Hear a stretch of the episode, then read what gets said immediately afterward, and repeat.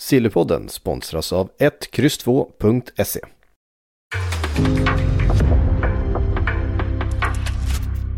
En podcast från Aftonbladet. In the supermarket, you have eggs class 1, class 2, class 3. And some are more expensive than others, and some give you better omelets. That's the wrong information. Wrong, wrong, wrong information. I didn't say that. That's the wrong information. Do you think I'm an idiot? Wrong, wrong, wrong information. Now look at me when I talk to you. Your job is to tell the truth. That's the wrong information. Wrong, wrong information. Ja, men hjärtligt välkomna hälsar vi då till Sillypodden, säsongspremiär, Makoto. Eh, nu kör vi! Ja, äntligen. Nu kör vi. Nu kommer Mm. vi dra igång här och hålla på så att säga ett tag. Det är ju... Ja, fönstret är öppet höll jag på att säga. Det är det absolut inte, men snart är det öppet i alla fall. Snart är det öppet och du har ju liksom axlat den här rollen som vår Silly-general nu och kommer vara det framöver. Ja, eh, nu är jag personligen liksom uttrycket general på den vet jag inte om jag kommer använda på mig själv kanske i vardagligt tal, men jag kommer ju vara ansvarig för alltihopa i alla fall och jobba primärt med det. Så att Jag kommer, har använda, säkert... jag kommer använda det. Silly-general Ja, det- Makoto. Eller som, eller som Filip Lindfors använde som körde förra, förra fönstret, Silly Samurai. det är också ett annat uttryck som dök upp. Ja, du får Eh, välja nej, själv. Men, men eh, ni som följer Silly-bloggen har väl säkert märkt att det har skett lite mer i den än vad det brukar göra så här vid den här tiden på året och lite typ av annan content i den också. Det kommer vara mer, mer interaktion med läsare och så vidare, mer små spontana lister. Igår slängde man bland annat upp en, eh, bara spontant lite fem klubbar som kan tänkas ha nytta av Adama Traoré. Bara en sån sak. Kan ni gå in och se vilka jag tycker ska vara det. Så sånt Många kommer ni få klubbar. mycket av. Ja, men nu Ehm, valde jag fem. Ja, precis. All, men egentligen hade man kunnat skriva upp alla klubbar där. Eh, men... Du tycker ehm, det? Vi kommer till ja, det. det tycker jag. Det, det tycker jag. Eh, ja, men Sillypodden kommer komma med två avsnitt i veckan nu under vintern. Eh, och sen får vi se, sen kommer vi nog fortsätta eh, Sillypodda mer än vad vi gjort tidigare. Eh, så det ser jag fram emot. Det blir kul att ta ett extra liksom, stort grepp om Silly nu framöver. Eh, det ska bli jätteroligt. Så vi, bara, vi kör väl igång helt enkelt. Du har satt ihop ett eh, schema, du som har den bästa kollen såklart. Och högst upp av allt står Kylian Mbappés kontrakt. För att nu är du sugen, eller hur? Nu, du vill Ja, du ha alltså- honom till Real Madrid. Ja, men jag väntar, det är ju TikTok, TikTok fortfarande. För nu är det ju första januari man väntar på. Det, det ska bli så otroligt spännande att se vad som händer efter tolvslaget. Om det kommer att ringa samtal direkt. Hur, hur snabbt kommer Real Madrid försöka skriva på det där förhandskontraktet? Hur mycket ligger det i uppgifterna att Ja, att det ska vara klart. AS har ju gått ut och sagt att ja, men det här är redan klart. Real Madrid sitter lugnt i båten och bara väntar in tolvslaget. Eh, det, sen man, finns det ju andra uppgifter. där Mbappé själv har gått ut. Det var en intervju här med Thierry Henry, då franska Amazon. Där han, eh, jag konstaterade att ja, men jag har inte bäst, det är inte klart. Jag vet att jag kommer spela i en stor klubb nästa säsong.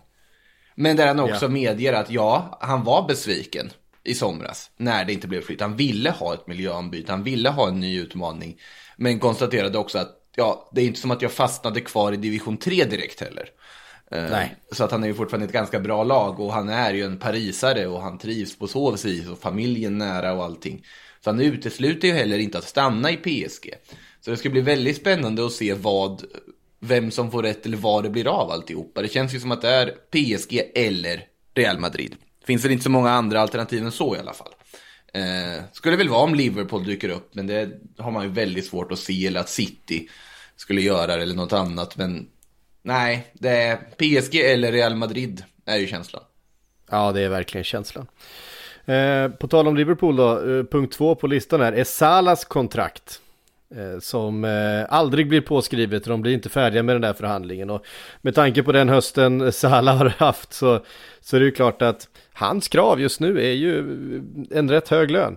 Han vill ju bli den, han, han vill ju bli kompenserad som eh, den spelaren han är. Eh, och det, det är ju klart att eh, det är det han jobbar för. Samtidigt som vi vet att Liverpool har redan nu en eh, väldigt, väldigt hög löne, eh, lönebudget. Och ehm, vill ju kanske inte heller eh, spräcka det, den taket, det, det taket och den strukturen man har.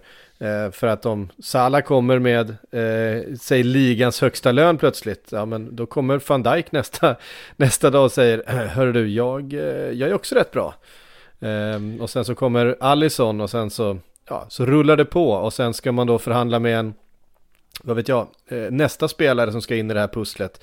Ehm, då har man liksom flyttat fram eh, de här positionerna så att eh, ja, det, är en, det är ju en förhandling och, och någonting att förhålla sig till. Men ehm, de har väl varit ute här både Klopp och Sala och kommenterat det i veckan. Ja, Sala, allting börjat, hela den här diskussionen har ju börjat med att Sala har fått, fick besvara då uppgifter om att Xavi har bett ledningen i Barcelona att jag vill ha honom. Hur det nu ska gå till, det är en, det är en helt annan fråga. Um, och Sala då väldigt liksom så här, mm, alltså korrekt och på, på ett liksom respektfullt sätt som också, han, han vill ju till, han, har ju velat gå till Barcelona och Madrid tidigare liksom. Eh, så är såklart jag är jättesmickrad en klubb som Barcelona har av sig, men jag, jag ser inte mig någon annanstans än Liverpool just nu liksom, sen får vi se vad som händer. Men att kontraktssituationen är ändå så att ja, jag vill vara kvar, det är upp till ledningen. Såklart det här är ett sätt att sätta press på dem. Sen tycker jag att sett till vad han har levererat nu under hösten och senaste tiden. Han sitter i en väldigt bra förhandlingssits, för han är en av världens absolut bästa spelare just nu. Och han, ja. han gör ju precis det han ska göra. Och där Klopp tar ju det här väldigt lugnt också. Han konstaterar ju där när han får frågor om han är orolig och så vidare att nej, det är inte som att här, förlänga en spelare av Mohamed Salahs kaliber. Det är inte någonting man gör över en kopp te. Var det det han sa? att det, det, det, pågår saker. Jag kan inte gå in på alla detaljer, men såklart att det sker diskussioner hit och dit. Sen tycker jag att om det är någon man ska alltså spränga den här lönestrukturen för i ett sådant här läge så är det ju en spelare som Mohamed Salah om du kan förlänga honom i ja, två, tre år extra och se till att ha kvar en sån spelare när han håller den nivån som han gör. För det tycker jag att mm. han, han har ju visat att han förtjänar liksom ett, ett förbättrat, förbättrat kontrakt tycker jag sett till vad han har levererat. Och det borde ändå övriga truppen förstå sett till också vilka ja. poäng Salah levererar. Och det tror jag, det tror jag, eh, jag tror att det kommer lösas. Vi ska komma ihåg också att Mohamed Salah fyller 30 nästa, nästa sommar. Han har ett och ett halvt år kvar på kontraktet nu. Um, jag är rätt säker på att han kommer bli Liverpools genom tiderna bäst betalda fotbollsspelare, om han inte redan är det. Jag undrar fall kanske van Dijk blev bäst betald nu, han skrev ju på nytt kontrakt här i, i, i somras. Um, och att eh, det kommer röra sig om, för det handlar ju också om hur långt kontrakt man ska skriva härifrån då. Med tanke på att hans kontrakt som han har nu, det går ut, då är han 31. Eh, vi vet att många klubbar är ovilliga att skriva längre kontrakt med spelare som har passerat 30. Vi såg ju Wijnaldum eh, till exempel i, i Liverpool, men vi har sett många exempel på det eh, genom åren. Och, och eh, det som Eh, har diskuterats också är ju just den fantastiska eh, fysiska form som Salah är i, att han har många år kvar. Han är ju dessutom aldrig varit speciellt, han är ju liksom den minst, det är ju det han har gemensamt med till exempel Ronaldo och Messi, det är ju att han aldrig är skadad. Och han spelar alla matcher i stort sett på ett år och han går aldrig sönder och han verkar ju eh, hålla för det liksom. Och det, bara den egenskapen gör ju att eh, man kan skriva ett längre kontrakt med en spelare som är 30 eh, än vad man kanske hade gjort med en spelare som eh, började dra på sig väldigt mycket skador, säg att det blivit väldigt mycket muskelskador till exempel. Eh, Gareth Bale. ja, men Gareth Bale till exempel. Eh, hans, hans högsta nivå var ju också där uppe, bland de allra bästa i världen. Men eh, skadeproblematiken gjorde ju att det, det gick ju inte att skriva de här långa dyra kontrakten med honom på samma sätt. Eh, och det finns ju många sådana exempel. Ta Eden Hazard nu till exempel. Eh, som väl är lika gammal som eh, Salah tror jag. 29-30. Är de båda... Ja, 92 Är jag jämnårig med båda dem kanske? Salah... Är Salah 92 Nej, han är Salah är 92 Nej, Salah är 92, Hazard, Hazard är 91, Neymar är 92 också tror jag. Eh, Neymar är 92, men, Sal... ja precis, mm. ah, okej. Okay. Hazard är, är, är tidig 91, men du, alltså eh, så bra som han var, också en av världens bästa fotbollsspelare, men med den skadehistoriken, du litar inte på att Hazard kommer vara världsklass fram till han är 35. Han är ju inte världsklass överhuvudtaget längre, nu. på grund av de här skadorna. Ehm, Nej men det säger väl också en del att nu, nu pratas det ju såklart massa om Hazard ut nu efter att man också återigen är skadad. Eh, och inte figurerat för Real Madrid som, ja ändå klarat sig ganska väl utan honom ska väl sägas. Eh, Visst. men då är det ju klubbar som Everton och West Ham det pratas om. Det är inte Chelsea United City det pratas om någon mer. Och det, är ju, Nej, men- det har ju blivit lite liksom Coutinho-varning på alltihopa nu. Ja, ett, ett jättebra exempel eh, på det är väl Thiago. Som väl av många, när han eh, lämnade Bayern München efter att de hade vunnit Champions League där, eh, hyllades som kanske världens bästa mittfältare. Eh, han var i alla fall den, den, vad ska man säga, lite märkliga Champions League-turneringens eh, kanske bästa spelare. Eh, men 31 år gammal, eller ja, 30, vad han nu var, något sånt. Eh, enormt skadebenägen. Och en lång historia av upphackade säsonger. Eh, det var ju inte så att klubbarna stod i kö att skriva det där kontraktet trots att han kom på free transfer. Och det eh, dröjde ju jättelänge innan, innan det kontraktet blev klart med Liverpool. Ehm, så att hade en Kylian Mbappé till exempel som då är som 24 år gammal och världsklass. Det är hur lätt som helst. Alltså alla vill ha det. Man kan betala hur mycket pengar som helst liksom. Eh, för man vet också att man får tillbaks det. Eh, dels i prestation men också i en vidare försäljning. Eh, Ja men, ja, men det är ju behövas. precis så. Det är ju precis Eh. det som vi, det är ju den stora, stora, det har vi varit inne på förut, men den stora skillnaden vi har märkt i transferfönstren Mm. under de senaste åren, att spelare över 25 egentligen, som har viss skadehistorik eller som har liksom väldigt höga löner, det går inte att bli av med dem. Och det är därför ingen klubb vill värva dem. Det är därför Barcelona inte blir av med Felipe Coutinho, fast de desperat har försökt. Fast Felipe Coutinho säkert skulle kunna tänka sig steppa ner ett steg i liksom hierarkin för att, för att få fart på sin karriär. Det är därför Real Madrid inte blir av med Gareth Bale på allvar. Det är därför de inte blir av med en Hazard om de skulle försöka göra det nu. Eller varför Barcelona inte blir av med vissa andra spelare. Folk vill inte skriva kontrakt med de här spelarna för du sitter fast på dem. Och då betalade ändå Real. Madrid en, mil- en miljard för eh, 28-årig Eden Hazard med skadeproblematik. Men det var ju en, en chansning som inte Ah. gick hem. Men det var ju utan skadeproblematik då. Och det är ju Just här som är grejen. Ja, grejen är ju med den Hazard, om man ska gå in på den, det sidospåret, så är det ju att det känns som att han har levt väldigt mycket på råtalang i Chelsea. Han har inte varit den här spelaren som tränar hårdast, kämpar hårdast av alla. Det fanns ju någon så här vittnesmål från Felipe Luis när han spelade med honom att Hazard var en sån som istället för att värma upp kunde liksom sitta och spela Playstation inför en match. Men det funkade ändå för att han hade liksom jag vet inte man ska säga att han har generna för det, men att han, han lyckades ändå vara skadefri på att han bara gick på ren råtalang. Sen när du kommer upp i en viss ålder, ja, då, då räcker det inte med det. Det är som mig och min kosthållning ungefär. Samma Nej, sak. men vi- vet att ju, de det spelarna- slår ju när man fyller 30. Ja. Nej, men de, de spelarna som är också kändast för att träna hårdast och vara mest liksom nitiska när det kommer till men allt från kosthållning till alla liksom kringaktiviteter och, och livsstil och så vidare. Ehm, de håller ju nu för tiden för det är liksom eh, Cristiano Ronaldo är 38 år gammal. Till och med Ra- Ralf Rangnick fick ju honom att pressa nu eh, i helgen. Och, Eh, och, Och Ralf vi ser ju att han håller en, en fantastisk fysisk eh, form fortfarande. Zlatan, alltid tränat stenhårt, varit supernoggrann. Mm. Eh, känd för att vara liksom en, en, en, träningsnarkoman liksom. 40 bast. Han gör fortfarande mål i Serie A. Eh, James Milner, om Han det är något han är känd han sätter för. också press på han sätter också press på sin ledning och får ett förlängt kontrakt där med Zlatan. Det gör han. sitt- Eh, Det gör han definitivt. Men James Milner, det är, är något han är känd för så är det ju hans professionalism och hans, hans träningsvilja och hans nästan asketiska livsstil. Eh, och hur noggrann han är med alla de här detaljerna. Eh, 36 år gammal, han är ute och varje gång startar han en match så vet man att det är han som kommer springa längst på plan. Eh, och han På, på tal om en längst. kontraktsförlängning som sker över en kopp te. ja, exakt. Den, den, Ehm. den, den går över en te hemma och lite Ja. kakor till. Ja, i alla fall.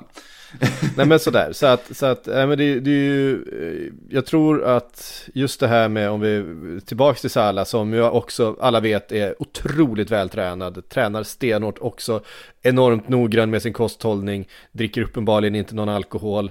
Ehm, men han, han är en kille som går och lägger sig på kvällarna liksom. Eh, jag tror att det är en... Ja, men, eh, och det- är ju, eh, det ger ju en indikation på att det är en spelare som vi kommer se i världstoppen, tror jag, under eh, flera år framöver. Alltså även om han eh, fyller 29, eller vad säger fyller 30 nu till sommaren. Så, ehm, så, så tror jag Ja, ja, liksom inte finns att vi har, han har inte passerat sin peak, han inte, det är inte här och sen så nu kommer skadorna och det kommer börja gå ut för. Jag tror att vi kommer ha en världsklasspelare i Mohamed Salah om fem år också. Ehm, Ja, ja, sen lever han ju mycket på sin speed, men samtidigt så har han ju utvecklat så otroligt mycket andra kvaliteter. Alltså, han är ju otroligt skicklig på de här trånga ytorna. Otroligt, och liksom, jag vet att jag hade viss tvekan till hans eh, effektivitet framför mål faktiskt. Ett tag där på sett till hur mycket chanser han behövde för att göra sina mål. Nu det har han ju slipat bort. Nu är han ju Verkligen. otroligt klinisk i de där lägena istället. Så att det är en, Ja, jag håller helt med dig där om att han kom, det är ju faktiskt en investering värd att göra. Det är ett lång, längre kontrakt värt att skriva eh, om Liverpool får möjlighet. Och jag tror ju också att de behöver nog inte oroa sig över Barcelona-intresset allt för mycket i alla fall. Nej, precis. Nej, det, det tror inte jag heller. Ehm, då tror jag snarare att det kan vara typ ett PSG som ska ersätta en Mbappé eller så. eh, Som kan kliva in. För att vi vet också att Liverpool säljer inte billigt. Eh, det har man slutat med. Nej. Ehm, när vi ändå nämner Barcelona. Eh, Osman Dembélés kontrakt enligt Mundo Deportivo vill han ha ett miljöombyte till Premier League. Ja, där har vi å andra sidan en spelare som inte kanske går och lägger sig i tid, eh, alltid och eh, dessutom har en eh, diger skadehistorik. Ja, eh, i tid i allmänhet. Det var väl, kom väl ganska nyligen här när han, när han också till och med lyckades vara senast av alla till, eh, till liksom, vad heter det, någon sån här klubbmiddag de hade när Pedri skulle fira sitt pris. Han hade vunnit Ballon d'Or-galan eller vad det var. Så var ju Osman Dembélé såklart sist där eh, av alla. Och eh, har väl, alltså, det är ju det också grejen att här har det ju varit en diskussion för Barcelona har varit väldigt tydliga med att de vill faktiskt behålla Osman Dembélé. De ser ändå en potential i honom. Han är 24 år gammal, trots skadehistoriken. Alla vet vilken enorm högsta potential det finns där. Eh, sen är ju, finns det en otrolig inställningsfråga. Och samtidigt här nu så är det också att i det här läget Barcelona sitter så verkar det uppenbarligen så att Dembélés entourage värderar honom som en betydligt mycket viktigare spelare än vad Barcelona kanske borde göra. Eh, och därmed ställer helt andra former av ekonomiska krav. Sen är det ju så att även om Dembélé skulle få högre lön så kommer ju hälften av den lönen gå rakt tillbaka i klubbkassan i form av böter för att han har varit sent i träning och så vidare. Så att det kanske är smart av Barcelona att signa det här kontraktet ändå. Och plus minus noll. Men eh, om man ska vara lite seriös i det hela så är det ju så att Ja, han ser ju Premier League-pengar som kommer. Här är det ju Newcastle-pengar bland annat som det har diskuterats. Eh, Ja. Och jag såg att vi faktiskt hade en fråga här, vem som blir Newcastles Robinho. Och jag har ju en känsla av att Osman Dembélé är en väldigt god kandidat till att bli det. Ja, han, har, han har det i sig så att säga. Och han skulle ju, skulle ju också bli chockad. Jaha, jag trodde jag gick till en toppklubb. Eh, den, den, va? Är vi sist? Det, det, det skulle kunna liksom ske när han dyker upp där. Eh, sen är det, alltså det är ju ett mysterium hos man Dembélé för att han har ju sån ofantligt hög högsta nivå. Och när han, när det, saker funkar för honom på en fotbollsplan så är han ju mer eller mindre ostoppbar. Han kan ju så här, lite bara på slentrian bryta in och skruva in en boll i krysset efter att ha dribblat tre man. Och som att ingenting har hänt. Men samtidigt, med den skadehistoriken han har, han spelar ju, han är ju knappt tillgänglig för att spela fotboll på Barcelona idag.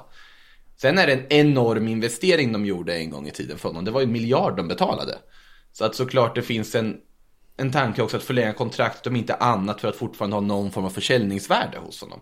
Men Barcelona med den liksom lönestruktur och läget de sitter i så kanske det bara är bäst att acceptera att ja, men okej, vi kan inte betala de här pengarna, det är inte värt att betala de här pengarna till dig. Ja, men då får du röra dig vidare. Och det är ju det, de här dagarna som kommer nu blir ganska viktiga i det här om huruvida de kommer komma överens och då är frågan, är det Barcelona som kommer rucka på sin värdering eller är det Osman Dembélé och hans ja, representanter som kommer rucka på sin värdering? Och då tror jag att det, mycket tyder på att det här inte kommer att bli en förlängning. Jag har svårt att se dem komma överens om de har helt vitt skilda bilder av hur viktig Osman Dembélé är för Barcelona här och nu. Ja. Um, är också en sån, han är ju spännande på att han har ju sån enorm höjd i sig. Eh, ja. man, hade ju gärna, man hade ju gärna sett honom, eh, sett honom nå den lite oftare. Nej, det, enligt, enligt Sport ska ju hans agenter redan ha träffat United, Bayern, Chelsea, Juventus, Tottenham för att prata. det är ganska många olika klubbar som är inblandade i det. Och sen kan jag ju se värdet för en Premier League-klubb att ändå dra den chansningen som man ändå får kalla det med skadehistoriken att plocka honom på fri transfer. För det finns ju en otrolig uppsida. Eh, sen tycker jag inte att Barcelona ska alltså, spränga banken eller riskera någonting för att behålla honom. Att om det är det läget de hamnat i, ja, men då får de, eh, då får de acceptera att det är så. Precis. Eh, mer Barcelona då. Ferran Torres eh, har ju hamnat i, har ju hamnat snett i Pep Roulette. Eh, det, det rimmade. Eh, ja. Han verkar vilja ha ett miljöombyte. Eh, Barcelona finns där. Kan det hända? Eh, det beror lite på om de kommer överens om någon form av övergångssumma och hur tydligt Ferran Torres visar att han vill lämna. För det tror jag att om det är någonting Pep Guardiola inte vill ha så är det spelare som går omkring och är missnöjda och inte tänker vill vara kvar i Manchester City. Sen är han väldigt bra på att övertala spelare som är missnöjda att jo men visst har du en framtid här och visst ingår du i det här och tror på processen och sen får du dina chanser. Det var vi inne på i, i Premier League-podden igår också just med det här Pep rotationen, hur den kan liksom, hur den funkar och att den ändå, ändå tycker jag får, har fått ganska god harmoni i den här truppen. I Ferran Torres fall så har det varit en skada som hållit honom borta här nu under sista tiden också.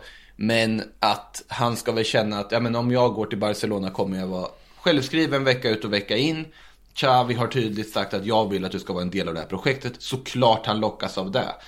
Um, sen är frågan som sagt, City vill ju ändå få gå plus på den här affären. Lyckligtvis för Barcelona så köpte ju City honom väldigt billigt från Valencia. Så att det är ju, det är väl ungefär 60 miljoner euro. Då pratar vi ändå en trippel ökning från vad de köpt, betalade för Ferran Torres.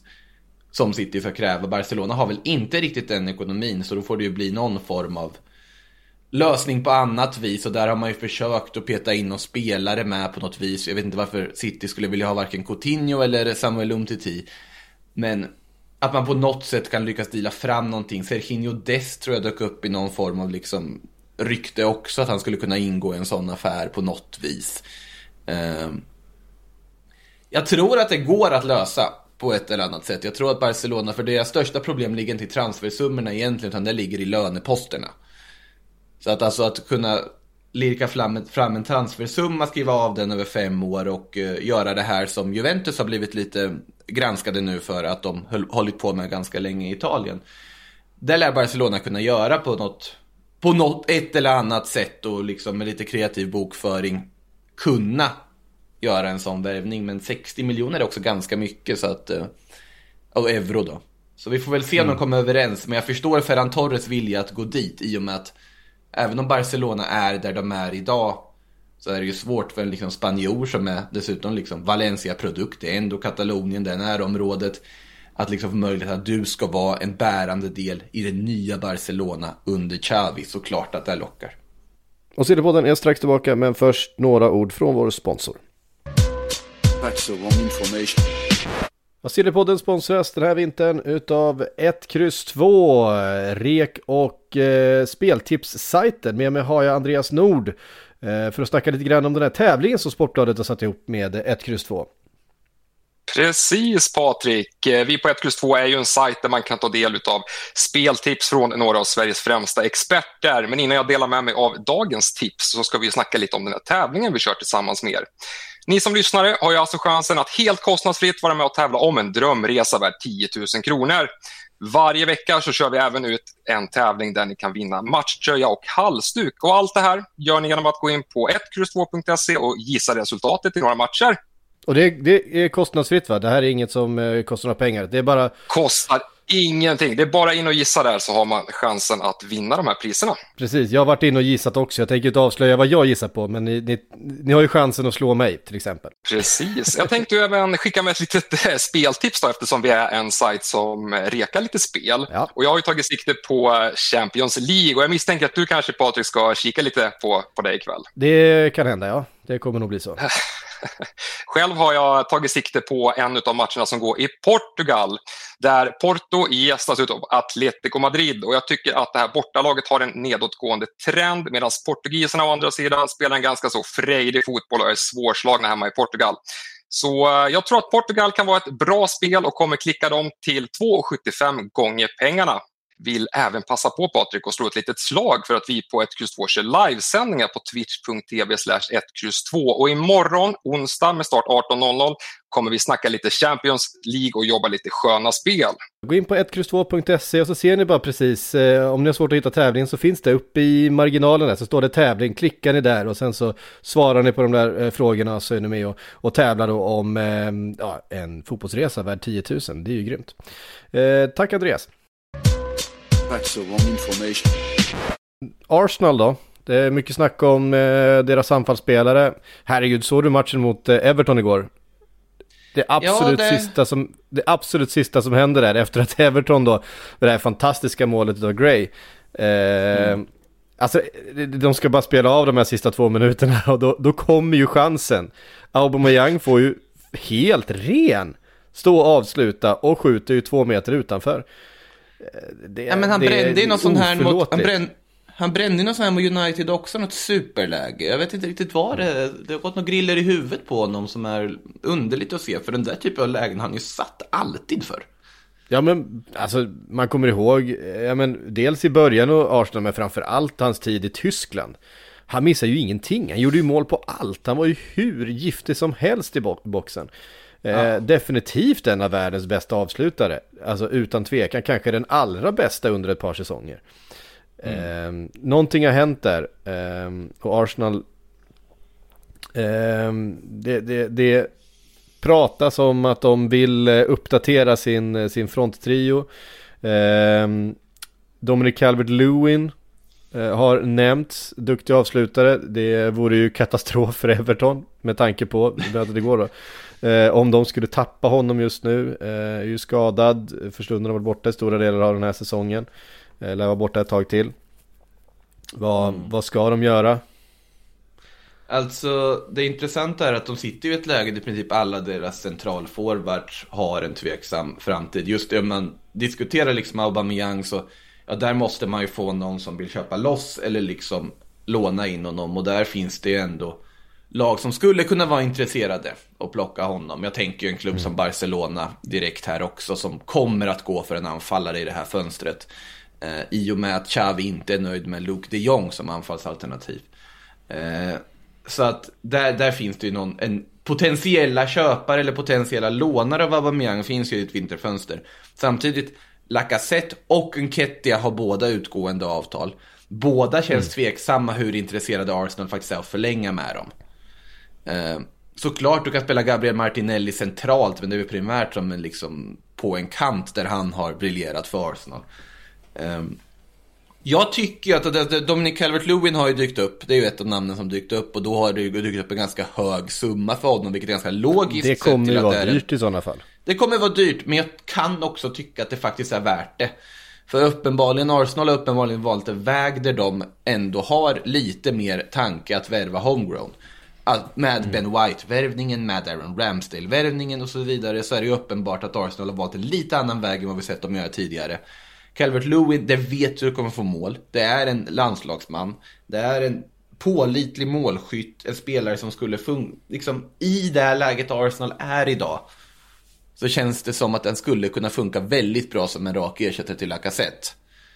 Men samtidigt så finns det ju andra spelare som har kopplats samman. Jag tänker på Dusan Vlahovic såklart. Sen är frågan, är Arsenal, har de musklerna att faktiskt kunna utmana om Dusan Vlahovic på riktigt? Där är jag mer tveksam. Beroende på vilka andra klubbar som ger sig in i det, vilka andra klubbar som ser behovet och med tanke på hur fruktansvärt mycket mål han fortsätter att göra så blir ju den prislappen vara jättehög. Jonathan David i Lille absolut också ett alternativ som man skulle kunna få in som också har öst in mål den här säsongen och jättespännande för framtiden och känns väldigt Arsenal-kompatibel som värvning. Men samtidigt kommer man vilja betala väldigt mycket pengar för en offensiv spelare i franska ligan ännu en gång. Med tanke på vad man, vad man fick förra gången man gjorde det. Så jag tycker sammantaget att det finns bra alternativ ute på marknaden. De borde titta på både en och två forwards. Och jag tänker spontant att bara om man vill ha något billigare alternativ, plocka en spelare som typ Wout Weghorst. Som du vet precis vad du får. Du får en target, du får lite mål från Wolfsburg till vinterfönster. Så du har någon där uppe på topp som du kan liksom använda. Det finns ju mycket kreativitet och flärd och fart runt om. Så att det måste inte nödvändigtvis vara en notorisk målskytt du värvar in på så vis. Utan det kan snarare vara en nyttigare typ av får, alltså anfallstyp som Lacazette. Ja. Det kändes lite svamligt det jag sa precis, men jag hoppas det fanns någon form av rim och reson i det hela. Det är ju svårt alltså, med, med deras svårt. anfallsposition. Ja. Definitivt. Eh, vi, vi stannar hos Arsenal och eh, eh, ska kolla lite grann på det defensiva mittfältet. Eh, Granit Xhaka spelade igår. Eh, vi har sett Partey där såklart. Eh, vi har... Eh, vad heter han? Nu tappade jag namnet. Ja, exakt. Eh, så finns det. Det kommer rapporter om att de tittar på Mönchengladbach, eh, Dennis Zakaria. Eh, ett namn som också har nämnts i väldigt starka ord eh, samband med Liverpool. Där har det pratats om att, eh, att Klopp vill eh, förstärka det defensiva mittfältet. Eh, nu finns eh, Fabinho där såklart, men där bakom Jordan Henderson har varit vikarien. Jordan Henderson ser sig själv mest som en, som en eh, eh, mer offensiv eh, tvåvägs eh, mittfältare och det är där han spelar oftast. Och det är där också jag tycker han gör det allra bäst. Och bakom Fabinho finns inte riktigt någon naturlig ersättare. Eh, det hade väl Zakaria kunnat vara. Eh, jag tycker Arsenal kanske har fler alternativ där. Eh, men uppenbarligen så är det, det är de två, eh, det är de två lagen som nämns i det här sammanhanget i alla fall. Ja, det, sen har det dykt upp massa fler lag också. Zakaria har det ju pratats om jättelänge om till olika klubbar. Nu har ju han ett kontrakt som går ut om ett halvår. Så det är ju också ett läge där du kan få honom för en ganska bra peng. Jag tycker också för Zakarias skull i det här läget. Vi, man minns ju också Gladbach nu här senast. ehm, gjorde ju ingen höjdarmatch i helgen för att uttrycka det milt. Förlorade väl 0-6 hemma mot Freiburg. Eh, hur det nu gick till. Eh, så att, Ja, det var alltså- noll, typ 0-6 redan i halvtid där va?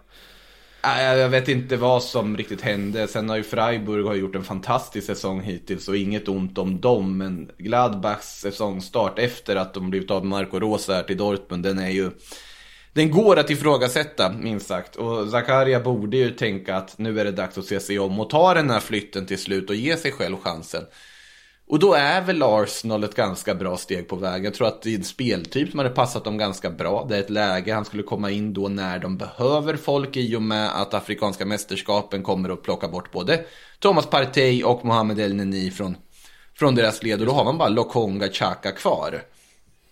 Så att Arsenal behöver ju värva en mittfältare på den, på den positionen. Liverpool så är ju konkurrensen betydligt mycket hårdare. För att kunna ta en plats på det mittfältet. Även om Där jag- blir han ju mer en uttalad reserv. Eh, Ja, och då- i Arsenal kan jag tänka mig.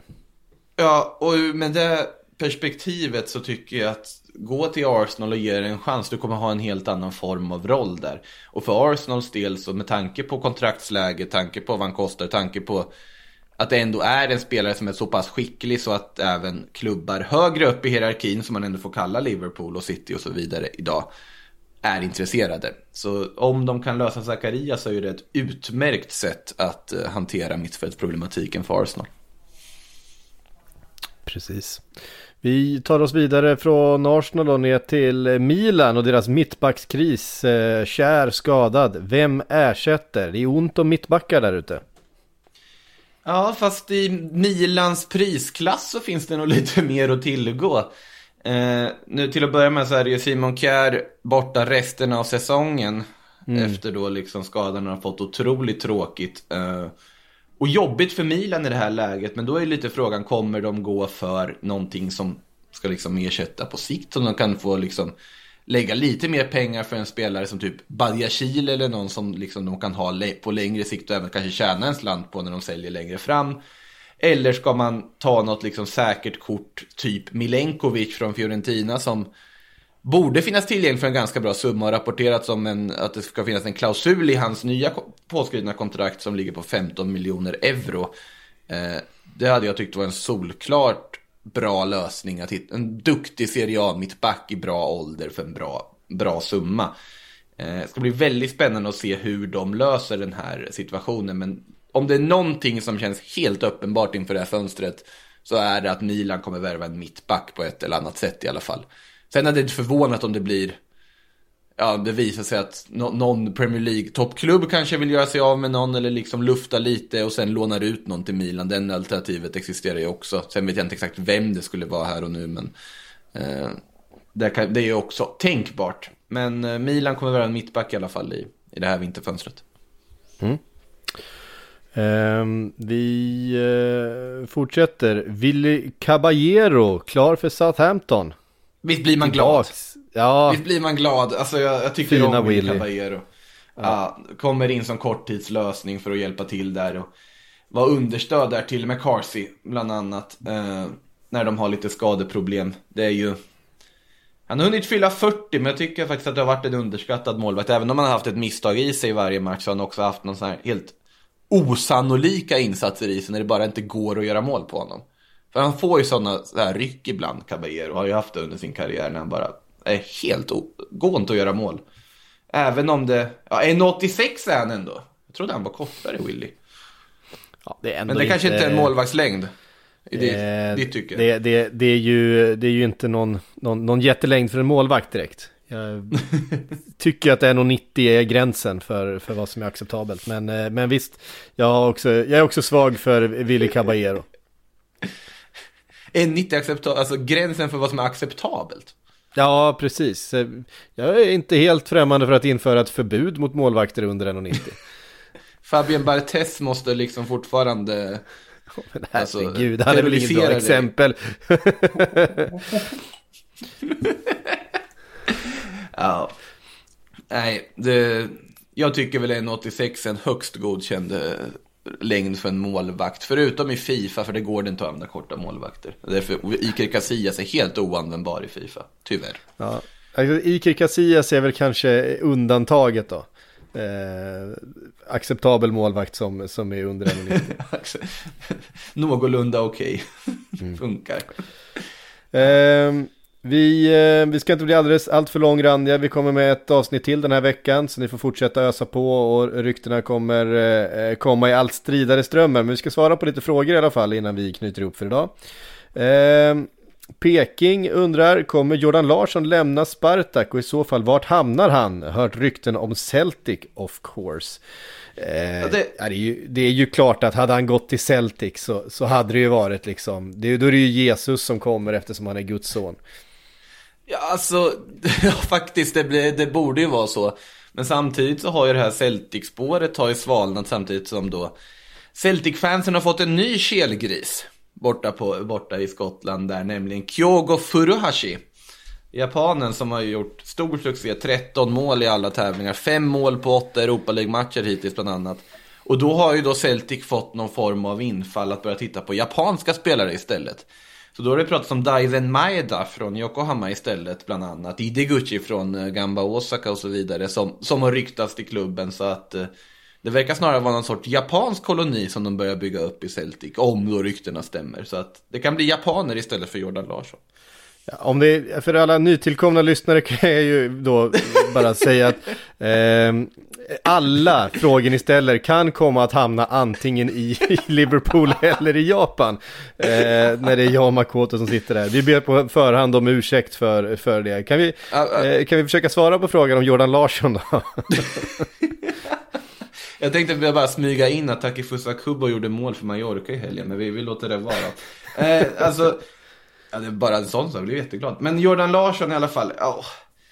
Alltså det är ju sen namn, Galatasaray smög väl in där på någon radar också och dök upp som ett alternativ. Och det är väl lite den kalibern av klubbar det handlar om. Det är lite synd att han inte fått mer landslagschans än vad han fått egentligen. Har man ju pratat. Sen är det ju väldigt hård konkurrens i svenska landslaget. Men samtidigt, han har inte gjort något mål i ryska ligan i år. Det är 14 matcher, noll mål. Mm. Nej, det, det, var ju förra sommaren då han, då han var het så att säga. Eh, som ja, man kanske men... hade möjligheten att gå till en, om man säger, större liga än den ryska. Men det mesta talar ju för att de kan tänka sig sälja i och med att han inte kommer förlänga sitt kontrakt med klubben och det är på väg att gå ut. Så att mm. det finns ju en möjlighet att köpa honom för liksom mer reapris, vilket då skulle innebära liksom, ja, någonstans runt, und, runt 100 miljoner kronor kan man ju tänka sig. Um, frågan är hur de här klubbarna som han kopplats till tidigare, hur intresserade de är i och med att han kanske inte riktigt varit lika het den här hösten. Men samtidigt om du vill ha en anfallare för ett bra pris i det här läget liksom och en snabb lösning i vinter så är det ju långt ifrån otänkbart att vi får se en flytt. Sen är det väldigt många klubbar i den kategorin som skulle kunna tänkas. Alltså, så är det ju flera Serie A-klubbar som har nämnts tidigare. West Ham dök ju upp under fjolårssäsongen och följde honom. Det finns ju Bundesliga-klubbar som skulle kunna tänkas värva honom. Och han är ju i en bra ålder där han liksom ska lyfta här nu. Så att eh, äh, det, blir, eh, det blir intressant att se. Så någon form av flytt är ju absolut inte otänkbar i alla fall. Men det är väldigt svårt att sätta fingret på exakt vart han hamnar. Mm. Eh, vi nämnde lite Newcastle innan där i Dembélé-diskussionen. Eh, Anton Rundsvik skriver, vad behöver Newcastle? Vilka är rimliga värvningar? Eh, ja, alltså, Allt, det beror va? på vad man menar med, med rimliga. De behöver ju väldigt mycket. De behöver ju, de behöver ju i alla fall en mittback. De behöver nya ytterbackar tycker jag. Um, och de skulle behöva en kreativ eh, mittfältare, en playmaker på mitten. John Joe Shelby får ursäkta men, men eh, de skulle behöva liksom en Thielemans typ på mitten för att anfallet är bra. Sen Maximan, Wilson, eh, Joel Linton. Joel Linton den trion är, ja, den trion är ju tillräckligt bra tycker jag, eh, i det här skedet för Newcastle för att klara ja. ett nytt kontrakt och för att göra en push upp mot mitten nästa säsong, kanske den övre halvan och så vidare. Eh, det går att liksom lägga till något ytterligare. Men, men här och nu så tycker jag att den trion är tillräckligt bra. Det är ju bakom där som det förloras alldeles för mycket dueller. Ehm, det är för låg kvalitet på den där bollen eh, som ska fram till eh, de tre spelarna där. Så att en Juri Thielemans typ, eh, nu vet jag inte, nu, de är ju svåra att få loss. Så är det ju. De kostar mycket pengar, det är inte ett problem för Newcastle. Däremot så ska du få den typen av, ska man säga, kvalitet att välja bort kanske en toppstrid eller en topp eh, topp 6-strid eller något sånt där för att gå ner och kriga om ett nytt kontrakt. Och då får man betala en ytterligare premium. Um, det är ju viktigt att inte hamna, även om man har mycket pengar så är det viktigt att inte hamna i den här Sunderland-spiralen. Vilket i och för sig med tanke på pengarna som Newcastle har och, och liksom röra sig med kanske inte spelar så stor roll. Men där de liksom eh, säsong efter säsong panikvärvade sig eh, ur ett nedflyttningsläge genom att betala liksom, överpris för Jermaine Defoe-typer som, som räddade kontraktet och sen så eh, saftade man bara på den där lönebudgeten högre och högre och högre tills det till slut bara inte höll och man rasade hela vägen ner i League 2. Men alltså där, där vi kan komma överens om Newcastles fall, om, om vi nu, de kommer ju säkert värva fler än två spelare. Men om vi håller till att de bara, säg att de bara värvar två, då är det ju uppenbart att de ska ha en mittback, de ska ha en, ja helst två, men en innermittfältare med tvåvägsfunktion. Alltså någon, någon som både har kreativitet men också liksom har en bollvinnar-aura över sig som du kan liksom sätta, sätta där. Alltså jag tänker så här, Almiron har ju kreativiteten men han är ju mer en sån som lever liksom på snabbhet och teknik och egen liksom genombrottsförmåga än på en passningsfot och sätta ett tempo. Uh, så att du vill ju ha någon, precis som du säger, någon tidman. Alltså, helt ärligt, att plocka Dennis Zakaria som vi pratade om tidigare hade ju inte varit dumt för, alltså nu är ju inte det kanske spelfördelartypen riktigt. Men det hade inte varit en dum lösning för Newcastle i det här läget. Och där är ju här de kan hitta saker. Om mm. de går ut och fyndar på andra marknader. Eh, kom med din pengabunt till La Liga. Och säger vi ska ha, jag säger typ Guido Rodriguez i Bettis. Ja, de kommer inte kunna tacka nej. Eh, och där, här finns det ju liksom, ja, vi vill, vi vill ha tillbaka Mikkel Merino igen. Real Sociedad. vet jag inte om Mikkel Merino skulle vilja gå tillbaka till Newcastle, men nu har han ju blivit en fruktansvärt mycket bättre spelare sedan dess liksom.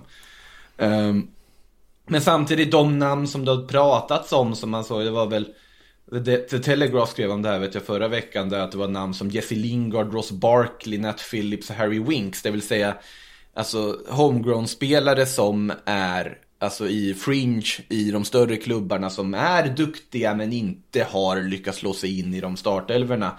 Alltså om de skulle plocka Lingard, Barkley så här, och säg Tarkovsky. Då har de gjort ett superfönster egentligen även om det säkert skulle kosta mer än att gå ut i Lyssna- liksom Serie A och La Liga. Lyssna på den här då. Ehm, ett överpris för en, en Dombele. Som eh, Conte uppenbarligen inte ratear eller inte riktigt ser en, en, eh, en eh, plats för. Ehm, Det är en kvalitetsspelare, är en tvåvägsspelare, har den där, den där poängfoten. Um, om man, nej, Tottenham skulle få skulle väldigt bra betalt. Om New- Newcastle köper honom, säg att du, du, du till och med går plus på den affären då. Eh, Newcastle betalar en halv miljard eller lite drygt för en, en Dombele i januarifönstret här. Eh, skriver ett långkontrakt. Det måste ju New, eller Tottenham ta direkt. Ja, såklart Eller? Tottenham skulle ta det direkt, men jag vet inte om Newcastle borde splänga ut en halv, splasha ut en halv miljard i det här läget. Alltså det är, även om de har pengar att röra sig med så måste de ju fortfarande förhålla sig till att på något sätt också möjliggöra investeringar i sommar. De kan inte bara splasha ut transfersummor hit och dit här nu. För då kommer, då är det liksom bok, hur ska de lösa bokföringen till liksom sommarfönstret då? Det blir väldigt svårt att göra det. Så jag tror att alltså om de ska lösa någonting snabbt här nu, till exempel av de här namnen jag nämnde tidigare, Ross Barkley hade varit en superlösning tycker jag. Eh, om de skulle kunna få honom på, säg en lånedeal men någorlunda rimlig köpoption till sommaren. Det är en jättebra lösning för dem i det här läget. Eh, Tarkovsky tror jag blir för dyr. Helt enkelt. Ja, det är mycket faktiskt. möjligt. Men en mittback ska ju in. Ja. Och då, du måste ju ha, du ska ju bygga en centrallinje. Om du bara kan, om du ska fokusera på saker, då vill du bygga en stabil centrallinje, bra mittback, bra mittfältare. Sen kan du spela Clark och Kraft och allt vad det heter på kanterna och ändå klara dig någorlunda om du har en bra centrallinje. Eh, otroligt basic liksom, nivå på det alltihopa. Och sen så kan du gå för Osman Dembélé och Raheem Sterling, Coutinho Cavani och allt vad det heter till, liksom, till sommaren istället. Eh, men nu, är de, nu har de ändå gett sig själva ett läge. De kommer ju, de kommer ju värva och målet ska ju vara klart den här säsongen. Det är att rädda kontraktet. Och då vill jag ha en spelare som väldigt snabbt skulle kunna gå in under en tränare som Eddie Howe och direkt fungera. Och då tänker jag att en spelare som Ross Barkley är helt perfekt. Ja. Jesse Lingard kanske nå... Ja. Jesse Lingard kanske för Alli. offensivt där. Oh, det är bra. Det är väldigt bra. Ja, men in, jag Om- tänker också så här, ja, men spelare som, som, eh, som är lite, eh, ja men i i Liverpool, Joe Gomez, han är fjärde back nu. Han var ju liksom helt ordinarie bredvid van Dijk eh, säsongen då de, då de eh, tog liksom 97 poäng. Det är en kvalitetsback, kommer tillbaka från skada, behöver speltid, kommer inte få det i Liverpool. Är ett bättre alternativ än vad Newcastle har just nu. Ta in honom på lån. Det måste väl vara en win-win för alla. Ja, faktiskt. Alltså Joe Gomez bredvid typ Lascelles. Tror jag ändå hade kunnat funka. För Lascelles lär väl vara kvar och lär vara en roll är väl, är väl lagkapten fortfarande så att Ja, det- och det, jag, tycker det, jag tycker faktiskt det är en ganska bra mittback också. Så att där finns Ja. ju ingen anledning att byta ut. Men du behöver ha en liksom, ja, kär har väl sina stunder men det räcker inte just nu. Du behöver någon mer riktig liksom. Alltså det är ju synd för Newcastle att Kurt Zuma inte fanns tillgänglig i det här fönstret. För det är en sån mittback som hade varit helt perfekt att bara ta in där tycker jag. Eh, jag tycker om Kurt Zuma. Eh, Sen är det så här att du får ju titta också liksom på Chelsea-läget med. Där har du ju vissa mittbackar som sitter där. Sen är de kanske lite för bra för att de skulle vara intresserade av att skriva på för Newcastle och gå i ett vinterfönster. Men där har du ju kontraktslägen på Rydiger, Christensen, Thiago Silva och sånt som måste redas ut fortfarande. Eh, och det kom väl väldigt underliga uppgifter när ungerska förbundskaptenen nu mer eller mindre bekräftade att eh, Attila Zalai är på väg in till Chelsea rakt nu liksom som, som mittback. Och det tyder ju på att det kanske är någon av de här som faktiskt kommer att flytta på sig här nu. Mm. Men mittbackar, det finns nog ganska mycket mittbackar på marknaden faktiskt måste jag säga. I alla fall i den kategorin som skulle göra Newcastle bättre. Och även mittfältare. Det ska bli väldigt spännande att se var de, var de slutar i. Jag säger ju så här. Det går att fynda i andra ligor men kanske det säkra kortet i det här läget att ta spelare du vet kommer bara rakt gå in och funka under Eddie Howe. För att rädda kontraktet. Sen kan du börja fynda och leka på marknaden på ett annat sätt i sommar. Ja. Ehm, där var det. Första avsnittet för säsongen utav Sillypodden. Vi är tillbaka om ett par dagar igen. Då eh, följer vi kanske upp några av de sakerna vi har pratat om. Men så ska vi förhoppningsvis eh, fylla på med fler rykten. För nu börjar ju maskinerierna trumma igång där ute. Eh, tusen tack Makoto för att du var med idag. Och som sagt, vi är tillbaka om ett par dagar igen. På återhörande. When you're ready to pop the question, the last thing you want to do is second guess the ring. At Bluenile.com, you can design a one of a kind ring with the ease and convenience of shopping online. Choose your diamond and setting. When you find the one, you'll get it delivered right to your door. Go to Bluenile.com and use promo code LISTEN to get $50 off your purchase of $500 or more. That's code LISTEN at Bluenile.com for $50 off your purchase. Bluenile.com code LISTEN.